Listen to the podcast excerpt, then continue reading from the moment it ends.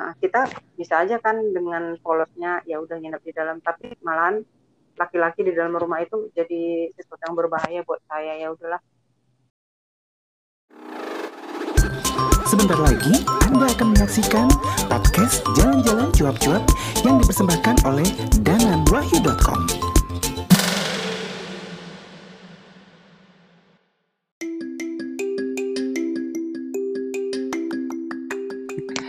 Hai Sobat Pejalan, ketemu lagi dengan saya Danan di podcast Jalan-Jalan Cuap-Cuap. Dan untuk edisi kali ini tuh spesial banget. Aku ada temen nih gitu. Dan hobinya adalah sepedahan Nah berhubung sekarang lagi ngetren banget nih sepeda Aku panggil nih salah satu temenku yang punya hobi bersepeda. Hai Rina yang ada di ujung sana. Halo. Apa kabar Rin? Uh, ya oke okay lah lumayan. Lumayan lah ya. Ya lumayan bahagia lah ya. Karena masa corona ini yang selalu diam di rumah berusaha untuk menyegarkan sendiri aja. Iya tetap bahagia lah gitu.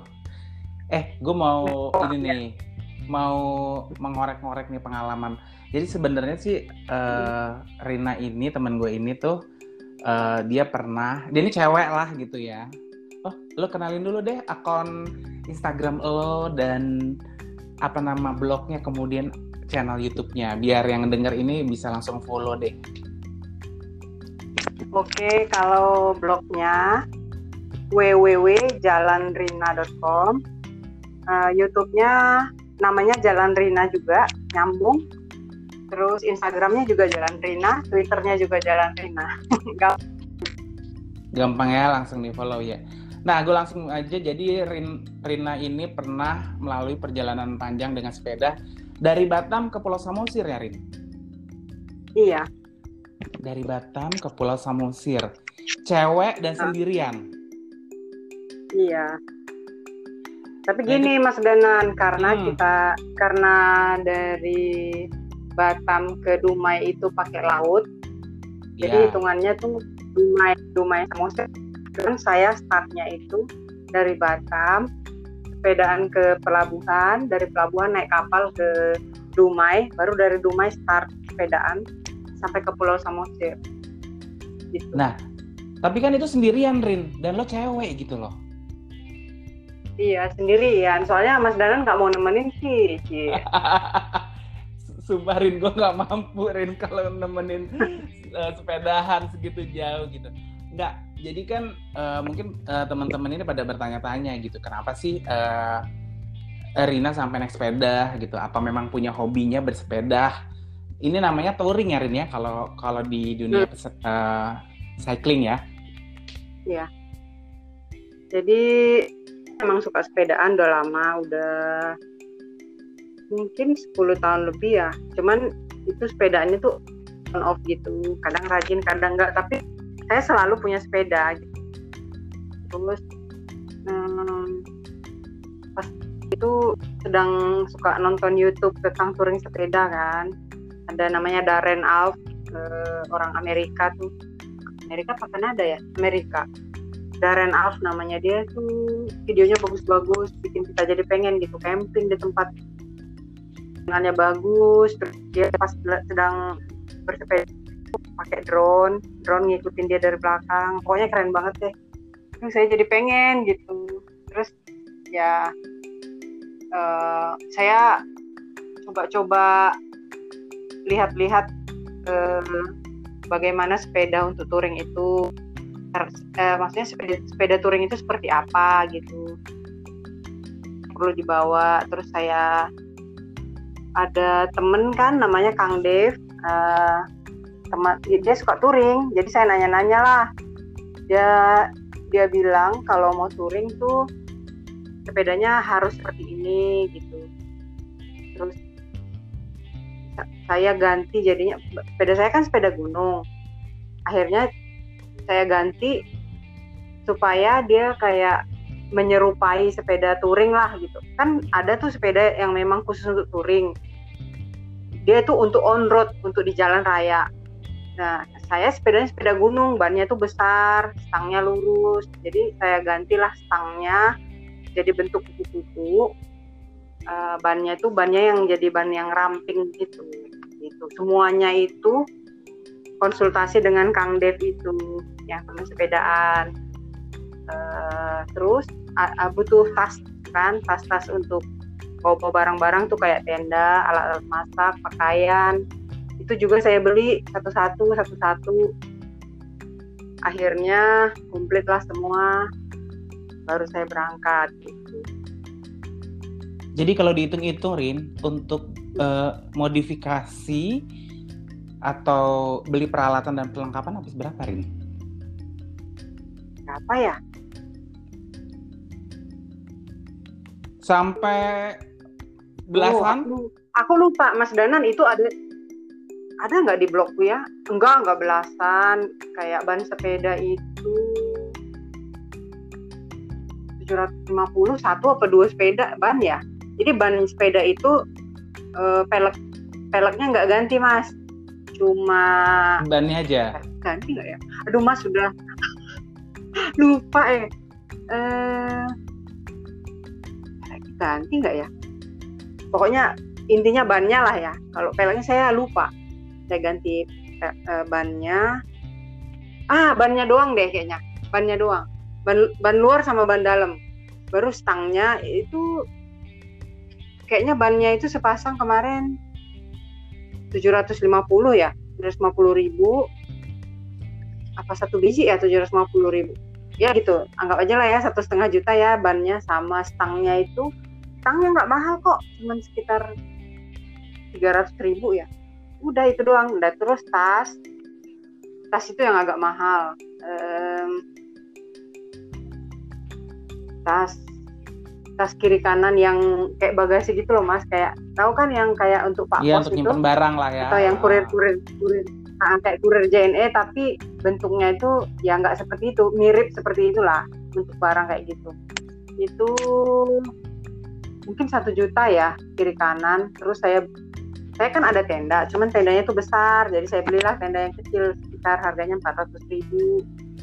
Um, sebenarnya bisa aja saya pakai tas yang tenda yang udah ada, cuman ya masalahnya beli yang baru gitu. Karena kan uh, saya suka berkegiatan di alam bebas, kadang-kadang camping, uh, kadang-kadang pergi camping naik motor gitu, jadi nggak ada salahnya saya beli uh, sesuatu untuk stok barang saya yang akan saya pakai di masa yang akan datang gitu. Jadi saya beli tenda gitu. Yang lain-lain kecil-kecil sih kayak oh saya salah satu alat yang signifikan yang saya beli saya beli itu alat strum. Jadi uh, kan kayak kita kan cewek kadang kalau untuk jaga diri itu kayak perlu pepper spray itu loh yang kayak bubuk merica. Kalau ada yang ganggu kita bisa semprot pakai itu. Jadi itu mirip lah ini dia cuma pakai kejut listrik itu itu saya beli satu. Harganya sekitar berapa ratus ribu gitu. Jadi kan sebenarnya modal yang ya lumayan lah besar lah ya. Nggak sampai puluhan juta lah ya aku sih cuman cuma ngasih gambaran sama teman-teman aja mungkin di antara teman-teman ini yang hobi traveling cuman punya keleluasaan waktu bisa nih touring ini jadi pilihan alternatif kan gitu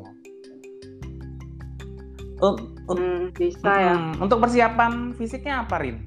Ini kan ini kan perjalanan panjang, butuh persiapan fisik dong pastinya. Uh, ada ya. Jadi waktu itu saya udah nyoba-nyoba mulai sepedaan ke Bintan. Itu ke Bintan tuh 60 km PP sama Mas Danan waktu itu. Iya. Ya, Mas Dana naik motor. Iya, gue naik, naik motor. sepeda. kita ketemu sekali-sekali di jalan gitu. Terus ya ke ke ke Pantai Teri yang dalam-dalam kota aja, cuman agak jauh gitu aja. Karena kan touring itu sebenarnya nggak terlalu menurut menurut saya ya nggak ter, terlalu perlu latihan fisik karena kita kalau nggak sanggup pelan-pelan aja gitu. Itu aja. Jadi biasanya di kecepatan berapa turun atau kecepatan berapa dan di durasi waktu berapa? Terus istirahat gitu? kemarin gitu? kemarin aku rata-ratanya kan sekitar 60 km per hari. Itu 60 Uh, sebenarnya mas bisa lebih dari itu. Yang bikin susah itu uh, saya kan orangnya suka bangun pagi. Goes hmm. pagi itu enak. Yang berat itu pas jam makan siang tuh panas banget. Itu itu beda loh. Jadi kalian kalau mulai sepedaan jam satu siang untuk keluar itu itu susah banget. Itu capek banget rasanya. Karena kita baru duduk jadi udah capek baru duduk terus mau mulai lagi tuh susah banget. Dan itu cuacanya terik banget. Uh, kita keluar nggak tahu kenapa ya touring itu selalu kayak bakar kulit gitu loh. Jadi saya tuh ada ada foto di akhir touring saya saya foto betis saya batas antara yang ketutup celana dengan enggak tuh beda banget.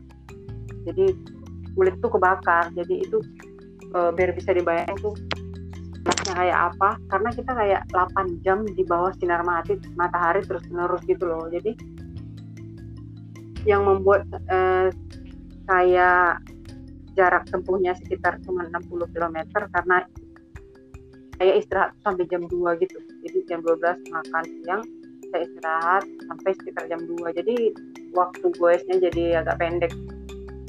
Terus um, tapi ada salah satu hari saya goes sampai 80 84 kilo ya kalau nggak salah ya karena jadi saya kan udah merencanakan akan nginap di suatu hotel.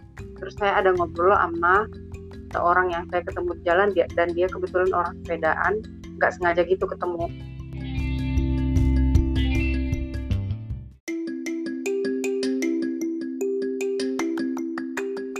pokoknya ceritanya panjang deh. Itu mas itu akhirnya kayak kita ketemu di apa di suatu kota berikutnya itu dia sampai bawain makan durian gitu-gitu deh.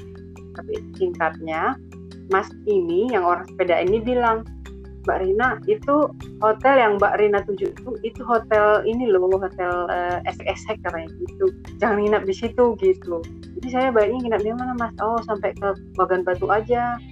Akhirnya Eh, saya kejar lah sampai ke Bagan Batu itu saya sampai hari sampai antara gelap sama terang gitu udah remang-remang gitu saya sampailah di hotel yang dia rekomendasikan gitu. karena itu saya goesnya jadi lama gitu nah itu, aja sih. itu masalah safety apalagi kan uh, lo kan perempuan Rin gitu sebelum hmm. melakukan perjalanan uh, riset nggak sih mamanya oh daerah ini aman daerah ini lebih berisiko gitu tanyanya ke siapa gitu dan risetnya ke mana gitu. Oh jadi uh, ini kan jalur orang muda daerah Sumatera Utara nih Mas Danan. Kalau orang dari Riau mudiknya ke sana. Jadi itu sudah pasti dilalui oleh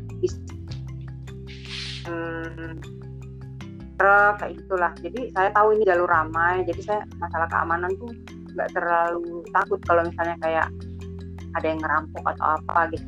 Saya tahu itu bakalan ramai. Um, yang yang saya khawatirkan itu adalah saat minap karena saya saya kan ada saat-saatnya tuh tidur di tenda. Jadi selama voice itu mas aku ada 8 hari kan. Mm. saya aku ingat tuh aku tiga hari tidur di tenda tiga hari. Tidur di hotel ya tiga hari. Eh tiga hari tidur di tenda tiga hari tidur uh, numpang di kantor polisi di pos pemantauan. Ada kan pos-pos mudik itu?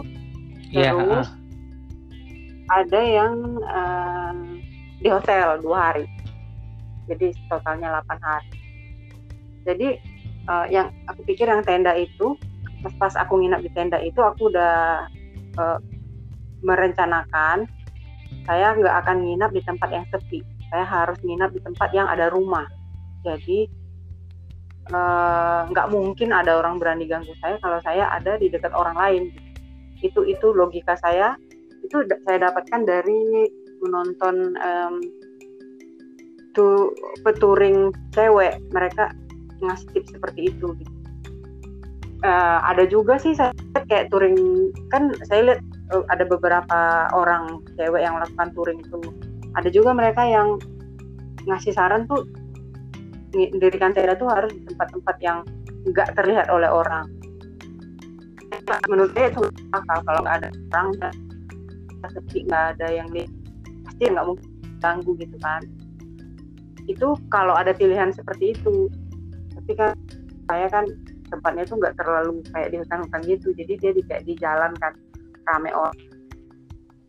Saya milih ada kayak ada lapangan saya minta orang yang ada di situ saya boleh terus mereka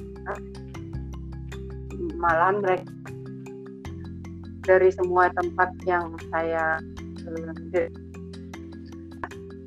itu tiga-tiganya orang itu nawarin mandi di tempat mereka. Jadi saya tiga kali tidur tenda tiga kali itu dapat mandi. Oke. Rin uh, ini kan eh, kalau di uh -huh. saya itu saya nggak takut ada yang ganggu gitu karena dekat rumah orang. Oke.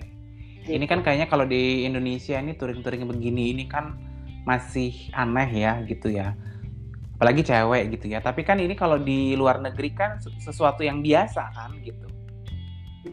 Ada nggak sih sebenarnya komunitasnya? Kalau touring-touring seperti ini gitu yang lokal maupun yang mungkin tingkatnya dunia atau internasional gitu. Mas bisa ulang nggak? Soalnya tadi putus jadi aku nggak ini kalau di ini kalau di apa namanya kalau di luar negeri kan cewek touring itu hmm. sudah biasa kan Mm-hmm. Ya, ya. Nah, cuman kan kalau di Indonesia ini kan masih sesuatu yang baru lah gitu. Nah, untuk komunitasnya sebenarnya ada nggak sih gitu untuk touring sepeda seperti ini kayak untuk bertukar informasi, sharing pengalaman, atau mungkin kayak eh, berbagi tempat tinggal lah gitu untuk para teman-teman yang touring sepeda seperti ini ada ya di Batam aja ada. Batam namanya Batam Bike Camping. Nggak tahu ya. Uh, mungkin mereka ini ya. Banyak kan udah kayak pria-pria beristri sejak cewek ya. Aku nggak pernah hmm. lihat. Nol kayaknya. Tapi aku kan nggak terlalu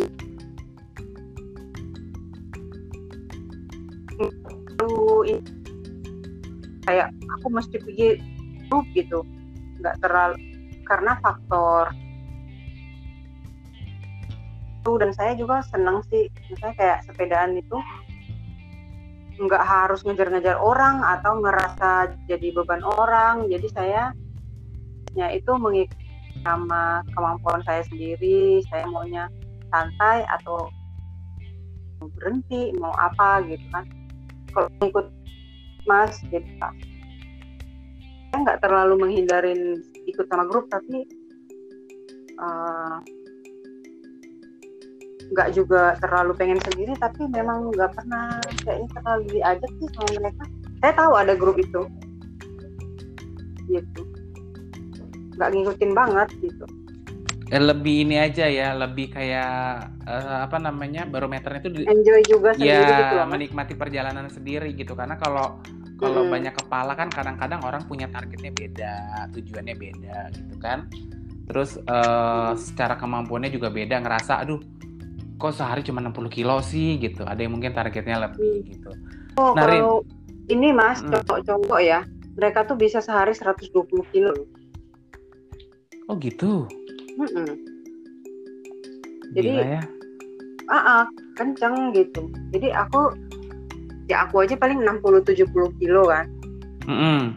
Itu ya yang juga nggak nggak ada spesial aku spesifik latihan harus kan kata ada juga dengar-dengar orang-orang lain tuh harus bisa sehari itu sekian kilo dulu sebelum touring goesnya gitu kan saya nggak terlalu sih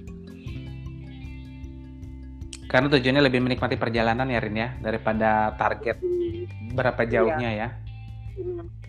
Ada nggak uh, pengalaman yang tidak bisa dilupakan selama perjalanan? Oh semuanya nggak bisa dilupakan mas banyak banget itu um,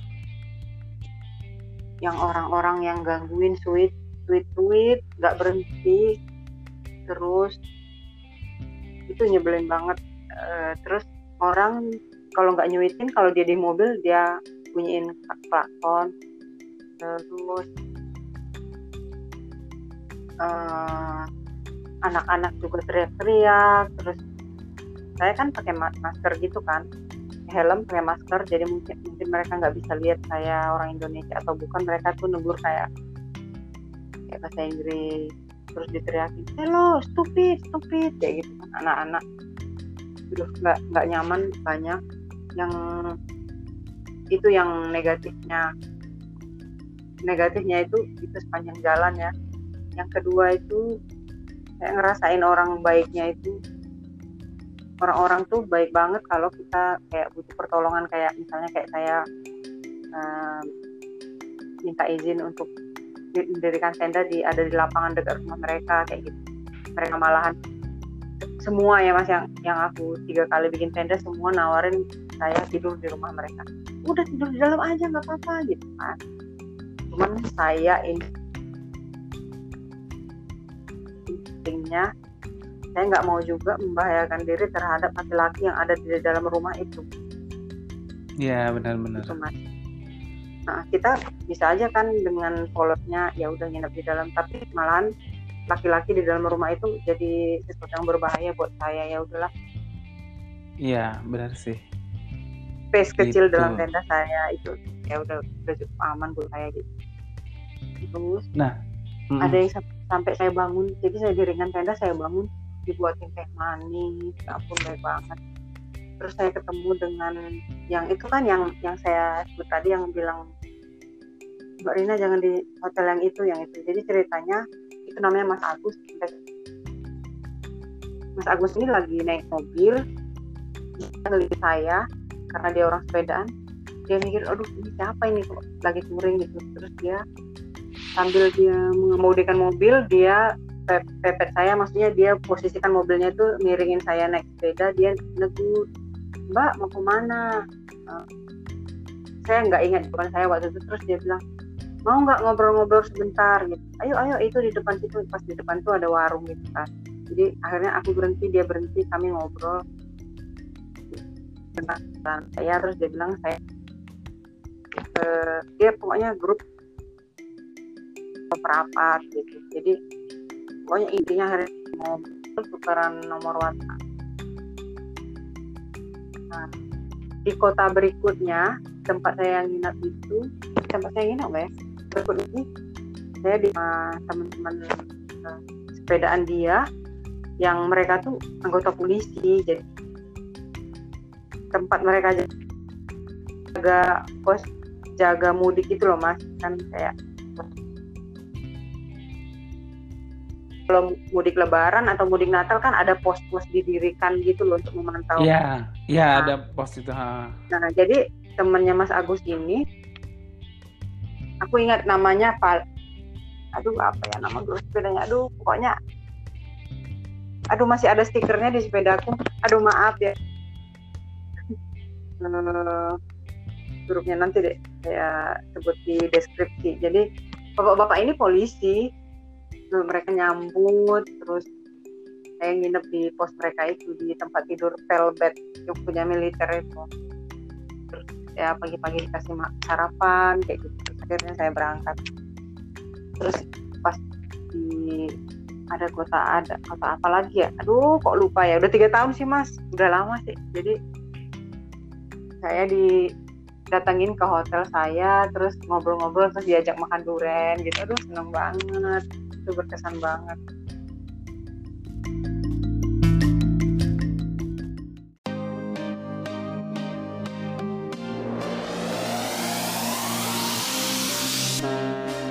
Kamu punya hobi traveling, tapi nggak bisa ke mana-mana gara-gara pandemi.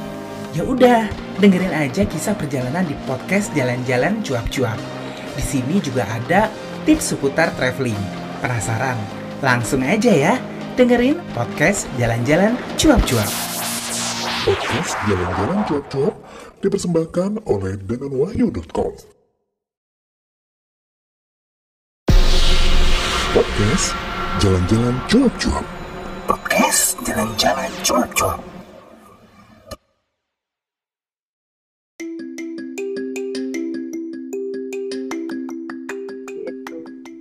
Rin, gue nanya sebenarnya eh, Indonesia ini aman nggak sih buat cewek touring naik sepeda?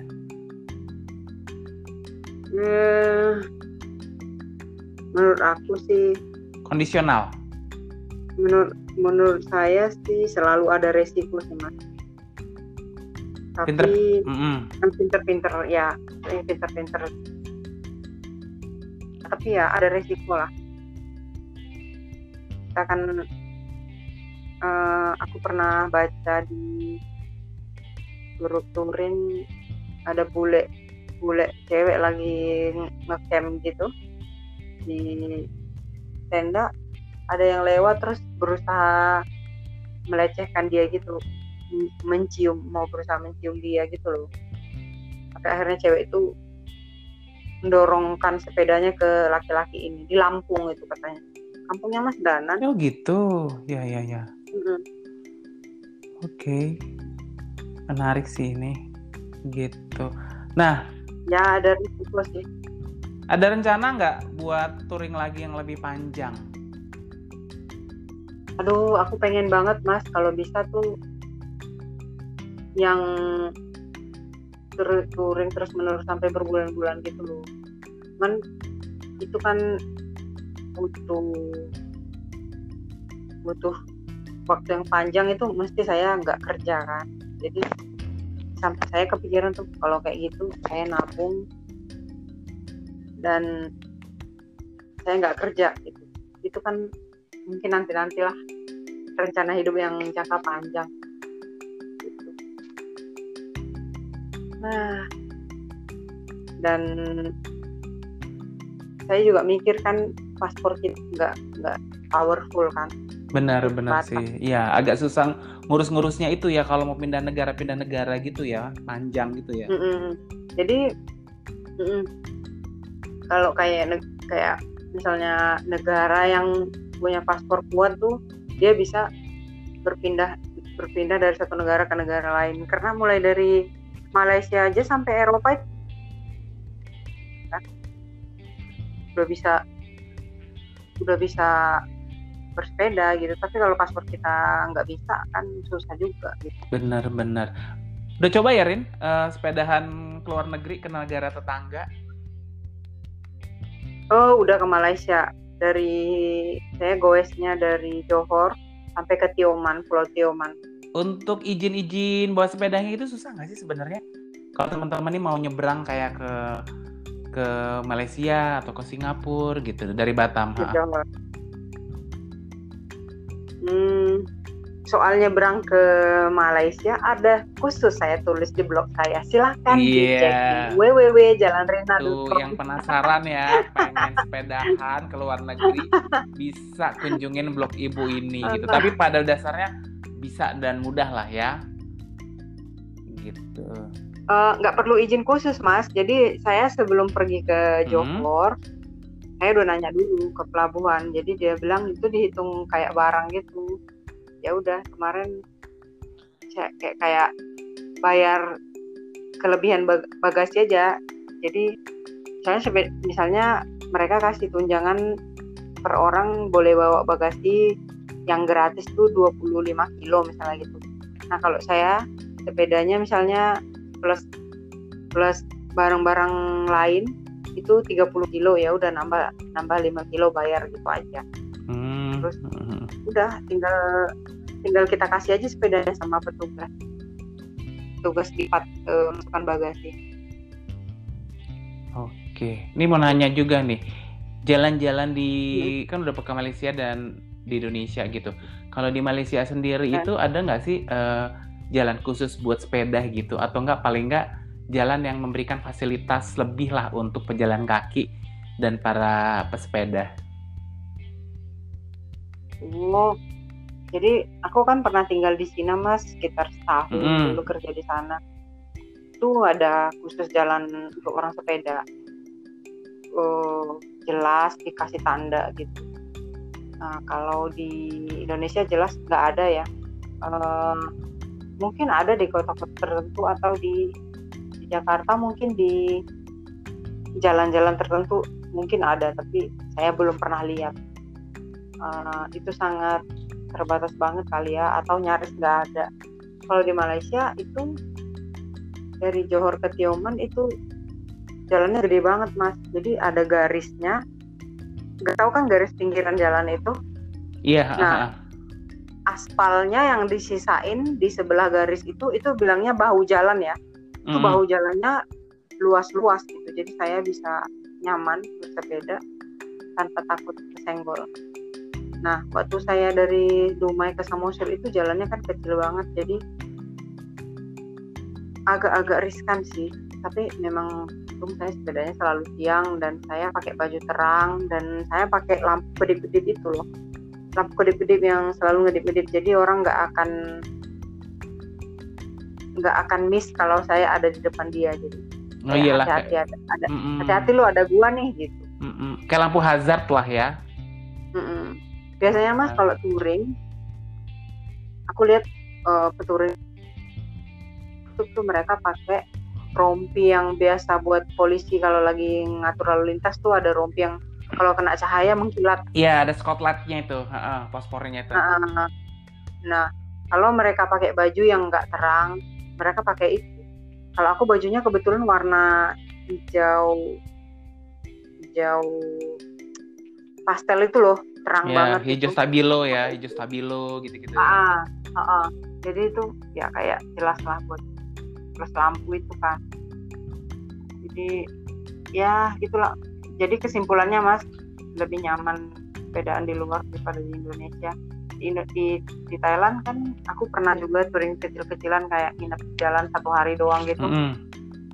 Nah, nggak ada tuh yang gangguin satupun, nggak ada yang matanya melotot, yang kayak pengen tahu. Mereka cuek aja. Nggak, nggak, hampir nggak peduli gitu loh. Jadi saya nyaman. Di Malaysia juga gitu. Paling ada yang paling ngelihat doang itu. Banyak kan ya hampir 90% cuek. Di Indonesia ya ampun mas, semuanya melotot, diliatin, diteriak-teriakin. Kayak kita tuh, kita tuh objek aneh gitu. Ya, ya gitu deh, nggak nyaman. deh. karena kan mungkin jarang Rin nggak pernah ngeliat gitu yang kayak gitu jadinya lo dianggapnya orang Iya. aneh kan gitu mungkin aneh memang jarang mungkin melihat seperti itu Iya. jadi kita kalau gini loh mas melihat itu aja oke lah ya wajar ya. Memang ada sesuatu yang menarik perhatian di depan mata tapi kalau sampai teriak-teriakin sweet-sweet gangguin sampai di klakson klakson teh teh pakai tau kan klakson truk kayak apa kerasnya gitu loh itu di Indonesia semua saya alami saya nggak pernah ngalamin di luar negeri saya udah waktu sepedaan ya Cina waktu di Cina tuh ya di dalam-dalam doang dulu saya ada sepeda juga di Cina di Thailand sering saya sepedaan nggak ada yang gangguin. Terus di Indonesia. Oh. ya itulah. Terus paling dekat nih kalau udah nggak ada corona lagi pengen sepedaan ke mana Rin? Ya yang waktunya paling nggak seminggu lah bisa buat cuti gitu-gitu. Pengennya ke mana? Hmm. Aku pengen mas kayak negara-negara tetangga Thailand. Kan aku sekarang sedang kerja di Thailand. Nih. Mm. pengen deh kayak ke Kamboja ke Laos gitu. Tapi sering yang membuat saya nggak jadi itu gini. Dengan waktu seminggu yang saya punya cuti saya ini kan berharga banget nih. Kalau saya pergi touring itu waktunya cuma deket banget yang ditempuhnya gitu loh. Iya iya sih Eh, kita kan pengennya Ah, tuh jadi- dengan libur seminggu maksimal ya kalau cuma buat ya udah sepedahan ke mana-mana buat sepedahan aja sayang Kalau- ya gitu Hmm. Mungkin kalau naik mobil tuh 80 km tuh sa- satu setengah jam doang. Tapi kalau dengan sepeda 80 km satu hari. Jadi apa yang saya dapat tuh dikit gitu. Jadi pengennya tuh pengennya tuh ya ya itu saya bilang kalau touring tuh ya nggak usah kerja lah gitu. Kapan ya bisa ya? kapan nih duitnya terkumpul ya nggak kaya kaya mas Dana kapan kayanya Iya. Eh tapi gue pernah ketemu sih eh, cewek-cewek Indonesia sih sebenarnya, tapi mereka kerja di kerja di Singa- eh, Singapura gitu. Mereka eh, waktu itu ngerencanain kayak touring ke ke ini Rin ke Korea. Jadi kayaknya kalau di Korea itu memang naik sepeda ah ah, tapi buk eh, tapi sepedanya mereka bawa dan mereka itu kayak touring dari kota A ke kota B gitu. Tapi memang treknya adalah trek ini sih trek sepeda gitu dan nyaman katanya gitu. Gitu. Iya Korea gitu. Kayaknya kalau di luar negeri tuh kayaknya orang bersepeda jarak jauh seperti itu udah yang biasa aja kali ya gitu ya. Kalau kita kan kayaknya kesannya aneh. Gini ih lo mau amat sih nyusah nyusahin diri gitu kan iya. Banyak komentar yang ya, nggak enak. Pasti orang-orang terdekat Iya, kayak- lo lah. Paling nggak temen kanan kiri itu komentar gitu. Komentar paling buruk apa Rin? Mereka bilang ada yang bilang nih ini saudara ya. Kalau teman-teman sih teman-teman mungkin nggak nggak ngerasa ada hak juga buat komentar atau memang teman-teman saya orangnya open udah tahu saya hobinya memang dari dulu suka ya menantang menantang gitu. Jadi nggak ada yang terlalu inilah. Hmm, yang itu saudara bilang kayak orang gila bilang apa ya apa ya, udah banyak transportasi mobil dan lain-lain naik pesawat kok naik sepeda dia bilang ya, kesel juga sih cuman saya pikir kan orang di lapangan bola itu juga ngejar-ngejar bola buat apa gitu kan satu bola direbut-rebutin gitu. Gitu pak. Ngelihatnya iya saya gitu. sih kan hobi ya hobi orang kan beda-beda lah ya gitu. Dan kalau jadi kan eh, lo kan banyak juga tuh terinspirasi dari eh, para apa ya para biker yang hobi memang touring gitu ya dan mereka bikin konten gitu, bikin konten YouTube, bikin Iya. konten eh, tulisan gitu. Nah selama perjalanan gue nanya nih, bikin konten susah nggak sih sambil sepedahan? ya butuh ini sih butuh effort sih agak susah. Makanya kadang-kadang kalau sedang sedang sepedaan tuh banyak malasnya mas. Tapi ada sih saya ada bikin video waktu touring sepeda itu yang ke Samosir saya ada bikin. Tapi kan Mas Danan mungkin lu, lu ingat nggak saya ada kehilangan 5000 foto video. Yang ter- Mhm. saya jadi waktu itu ngokopinya itu cut and paste gitu loh. Pokoknya mungkin nggak tercopy terus saya udah delete dari dari HP kameranya. Waktu itu kamera Xiaomi kalau nggak salah. Itu hilang. Aduh nggak tahu deh stresnya kayak apa. Waktu itu saya saya coba recover tapi nggak bisa. Padahal aduh kalau misalnya itu jadi video bagus banget. Jadi saya memanfaatkan waktu itu ada yang sisa-sisa di HP di kamera Sony itu yang saya edit jadi beberapa video. Ya nggak terlalu seperti yang saya harapkan tapi adalah dokumentasi sedikit. Terus yang kalau yang di yang yang touring ke Tio- Tioman ada videonya. Eh, itu lumayan komplit. Eh, jadi effortnya itu mas saya harus naruh pakai tripod terus saya set goes saya balik lagi saya ambil lagi kameranya gitu. Itu sih. Gue ngelihat waktu itu yang ini loh Rin. Kayak kayaknya biker Malaysia. Ah. sampai sampai Iceland segala macem. Ih gila sumpah. Sampai itu apa? jalan sampai Iceland. Iceland. Oh dia sepedaan ke sana. Mm-mm. itu kan sepedaan musim dingin. Maksudnya lo eh, narik sepeda aja effort kan gitu. Ini dia sambil ngambil gambar gitu loh kelihatan dia lagi narik narik sepeda sepedahan gitu kan. Hmm. Dan Ya. ternyata ternyata sendirian. Ya itu kan berarti dia bolak balik dong. Iya. Gitu. Ya gitu mas. Memang kayak gitu. Makanya saya bilang butuh effort. Terus kan banyak tuh sepeda kalau pesepeda itu dia kan oh, nggak kerja. Memang hidupnya udah di sepeda kadang bertahun-tahun. Mereka itu memang pendapatannya seperti gitu jadi ya mereka harus usahalah. Hmm, kayak itu si uh, Jin itu Jin yang orang Korea. Saya pernah ketemu dia di Singapura dan juga dia pernah ke Batam. Saya temenin goes dalam kota Batam itu sampai 8 tahun sepedaan sampai dari umur 23 sampai 31 sepedaan terus keliling dunia. Jadi gak pernah pulang kayak gitu. Dia penghasilannya sebagian dari YouTube gitu salah satu karena kan banyak ada ada income lain dia nerima juga kayak sumbangan kayak gitu gitu kayak donasi ya banyak hmm, loh sebenarnya dia buka donasi dari hmm, apa tuh PayPal. Mm -hmm. Jadi kalau kita buka blognya, blognya universewithme.com sama ininya YouTube-nya itu juga. Jadi ada nanti uh, link untuk kita tinggal klik langsung connect ke PayPal dia, kita tinggal transfer kalau mau. Gitu. Dia pernah bikin video. Misalnya bulan ini tahun ini tahun ini dia semua record.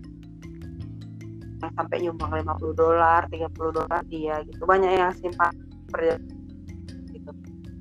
Cewek. Oke, Rin, kalau dari dokumentasi iya, perjalanan lo, hmm? iya, kalau dari dokumen, kalau dari dokumentasi perjalanan lo udah ada yang DM DM gitu, nanya-nanya? Ada ada. Di Tapi blog anehnya, gitu. Ah, ah, anehnya tuh banyak kan orang Malaysia ya? Iya karena mereka uh, ini Rin di Malaysia yang kayak gitu biasa. Kalau di kita tuh kayaknya hmm. memang sesuatu yang baru mungkin aneh gitu ya. Atau segmented lah kalau gue bilang gitu. Um, mungkin menurut aku karena ya ya. Tuh dia tuh memang mau touring ke arah Sumatera gitu jadi dia mungkin search di Google jadi dapat dapat blog aku. Terus Tioman tuh di Malaysia. Mm -hmm. dia mungkin mau ke sana juga jadi dia Google di blog aku gitu. Jadi ada yang sampai WhatsApp gitu. Apa ya DM pertama DM lewat blog terus atau YouTube terus aku kasih WhatsApp dia minta WhatsApp. Ada. Makanya Mas Danan itu blog dan YouTubeku itu kan pembaca dan penontonnya itu laki-laki loh. Ya iyalah yang hobi gitu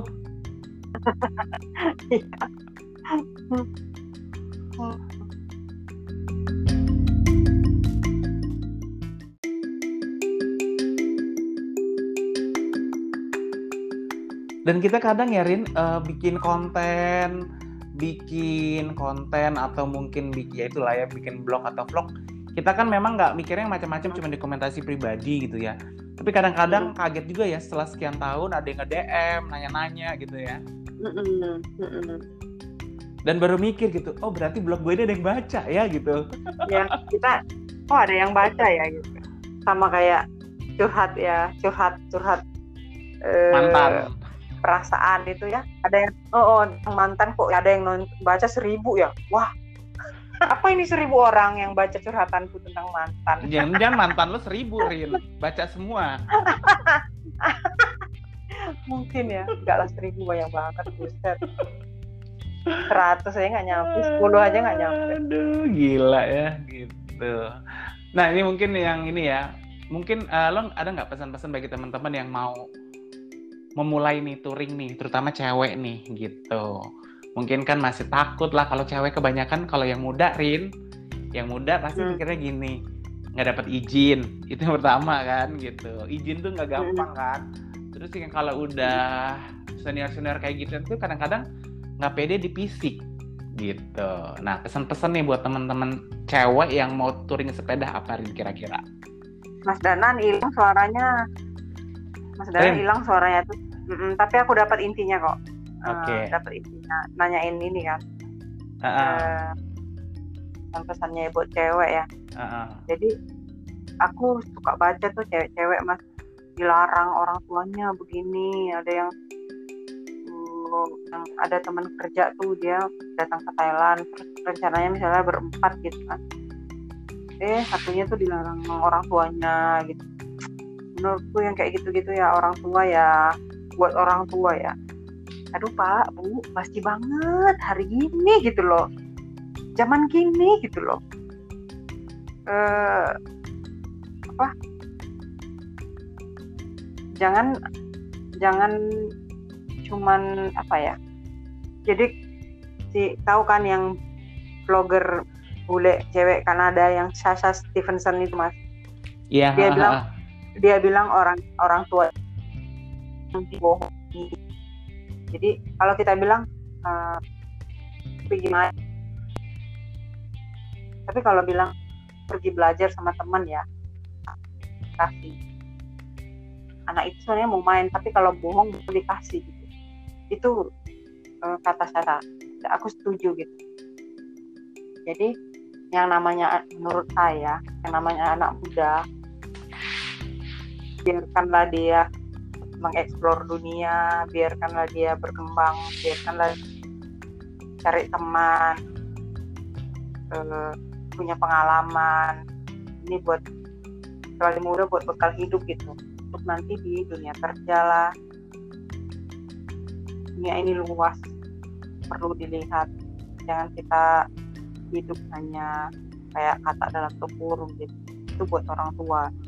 Jadi eh, kalau anaknya nggak tahu apa-apa itu gampang dibohongin.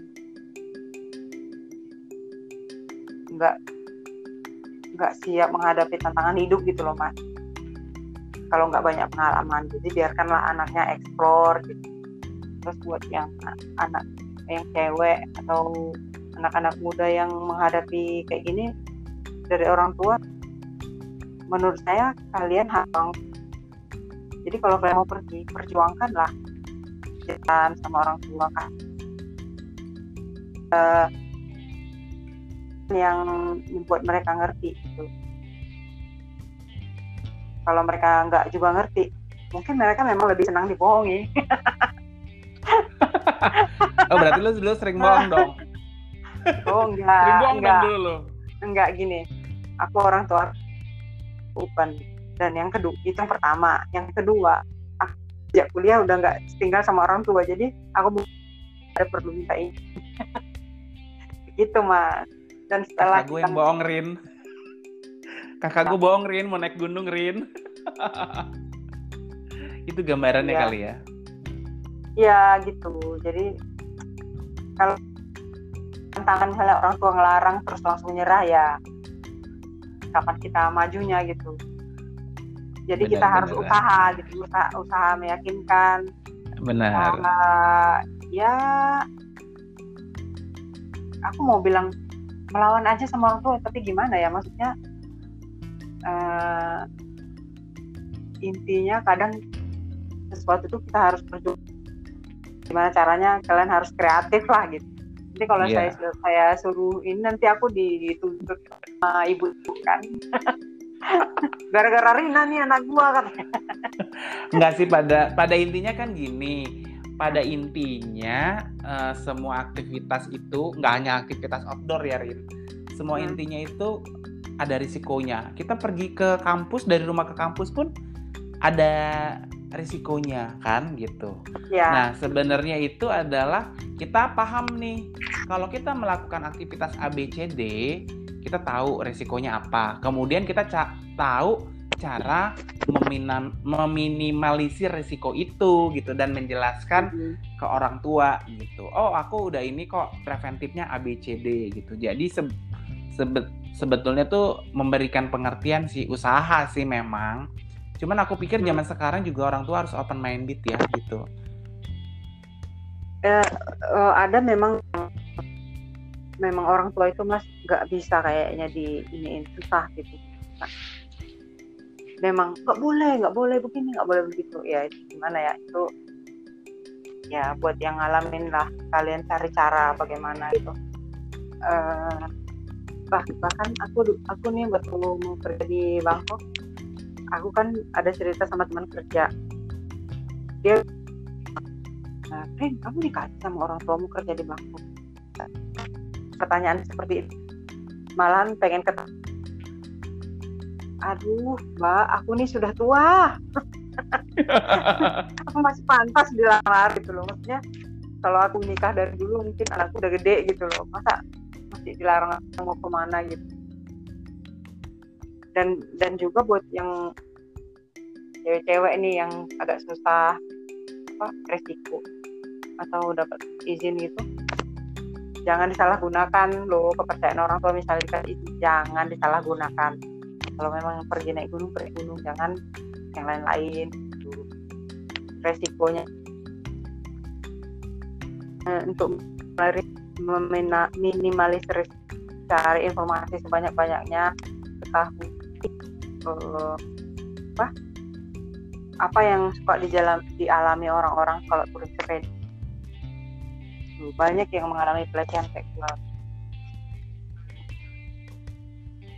Yang ringan sampai yang berat kayak gitu. Jadi harus jadi bisa jaga di, menjaga menjaga kemungkinan mencegah gitu. Itu jadi nggak bisa saya bilang oh kalau kalian melakukan ini kalian nggak akan ngalamin pelecehan gitu nggak bisa juga jadi dan situasi dan ya harus tahu gitu Oke, wah banyak nih ternyata ya memang harus kita harus tangkap dengan situasi hari ini ya. Jadi kan sebagai manusia sebenarnya kita ini punya insting sih gitu. Kalau ada kayak gini kayaknya ini enggak deh gitu. Nah kita harus pinter-pinter juga lah gitu. Apalagi cewek. Thank you banget Rin. Ini kayaknya kita udah hampir satu jam nggak kerasa. Seperti gue bilang ya. kan, ini nggak bakal berasa nih kita ngobrol satu jam. Iya, 50 menit. Mm -hmm. Gitu. Thank you Rin untuk informasinya. Sukses Semoga okay. impian-impiannya segera terwujud ya. Iya, doain ya Mas cepat kaya ya, biar Amin. saya bisa berhenti kerja dan touring keliling dunia. Iya, gue doain Rin, gue sih mendoakan lah gitu. Kan keren juga kalau gue punya temen, ih siapa Rina influencer, Ci, iya. uh, apa namanya touring, uh, apa namanya pesepeda cewek udah keliling dunia gitu kan Gitu. Thank you untuk kebersamaannya dan waktunya. Semoga ini bisa menjadi ya, inspirasi sama-sama. Mm-mm, bikin teman-teman semua ya. dan sampai jumpa Rin di eh lo jangan lupa bikin podcast juga ya siapa bisa sharing-sharing lo Rin kayak gini gitu. Yo nanti kita ngobrol yang lain mas. Pastinya kita ngobrol yang lain dan tapi lo mesti ke Thailand dulu biar seru Rin ngobrolnya Rin jarak jauh. Oke. Iya. Oke. Okay. Yuk, bye Rin. Sampai jumpa. Yuk.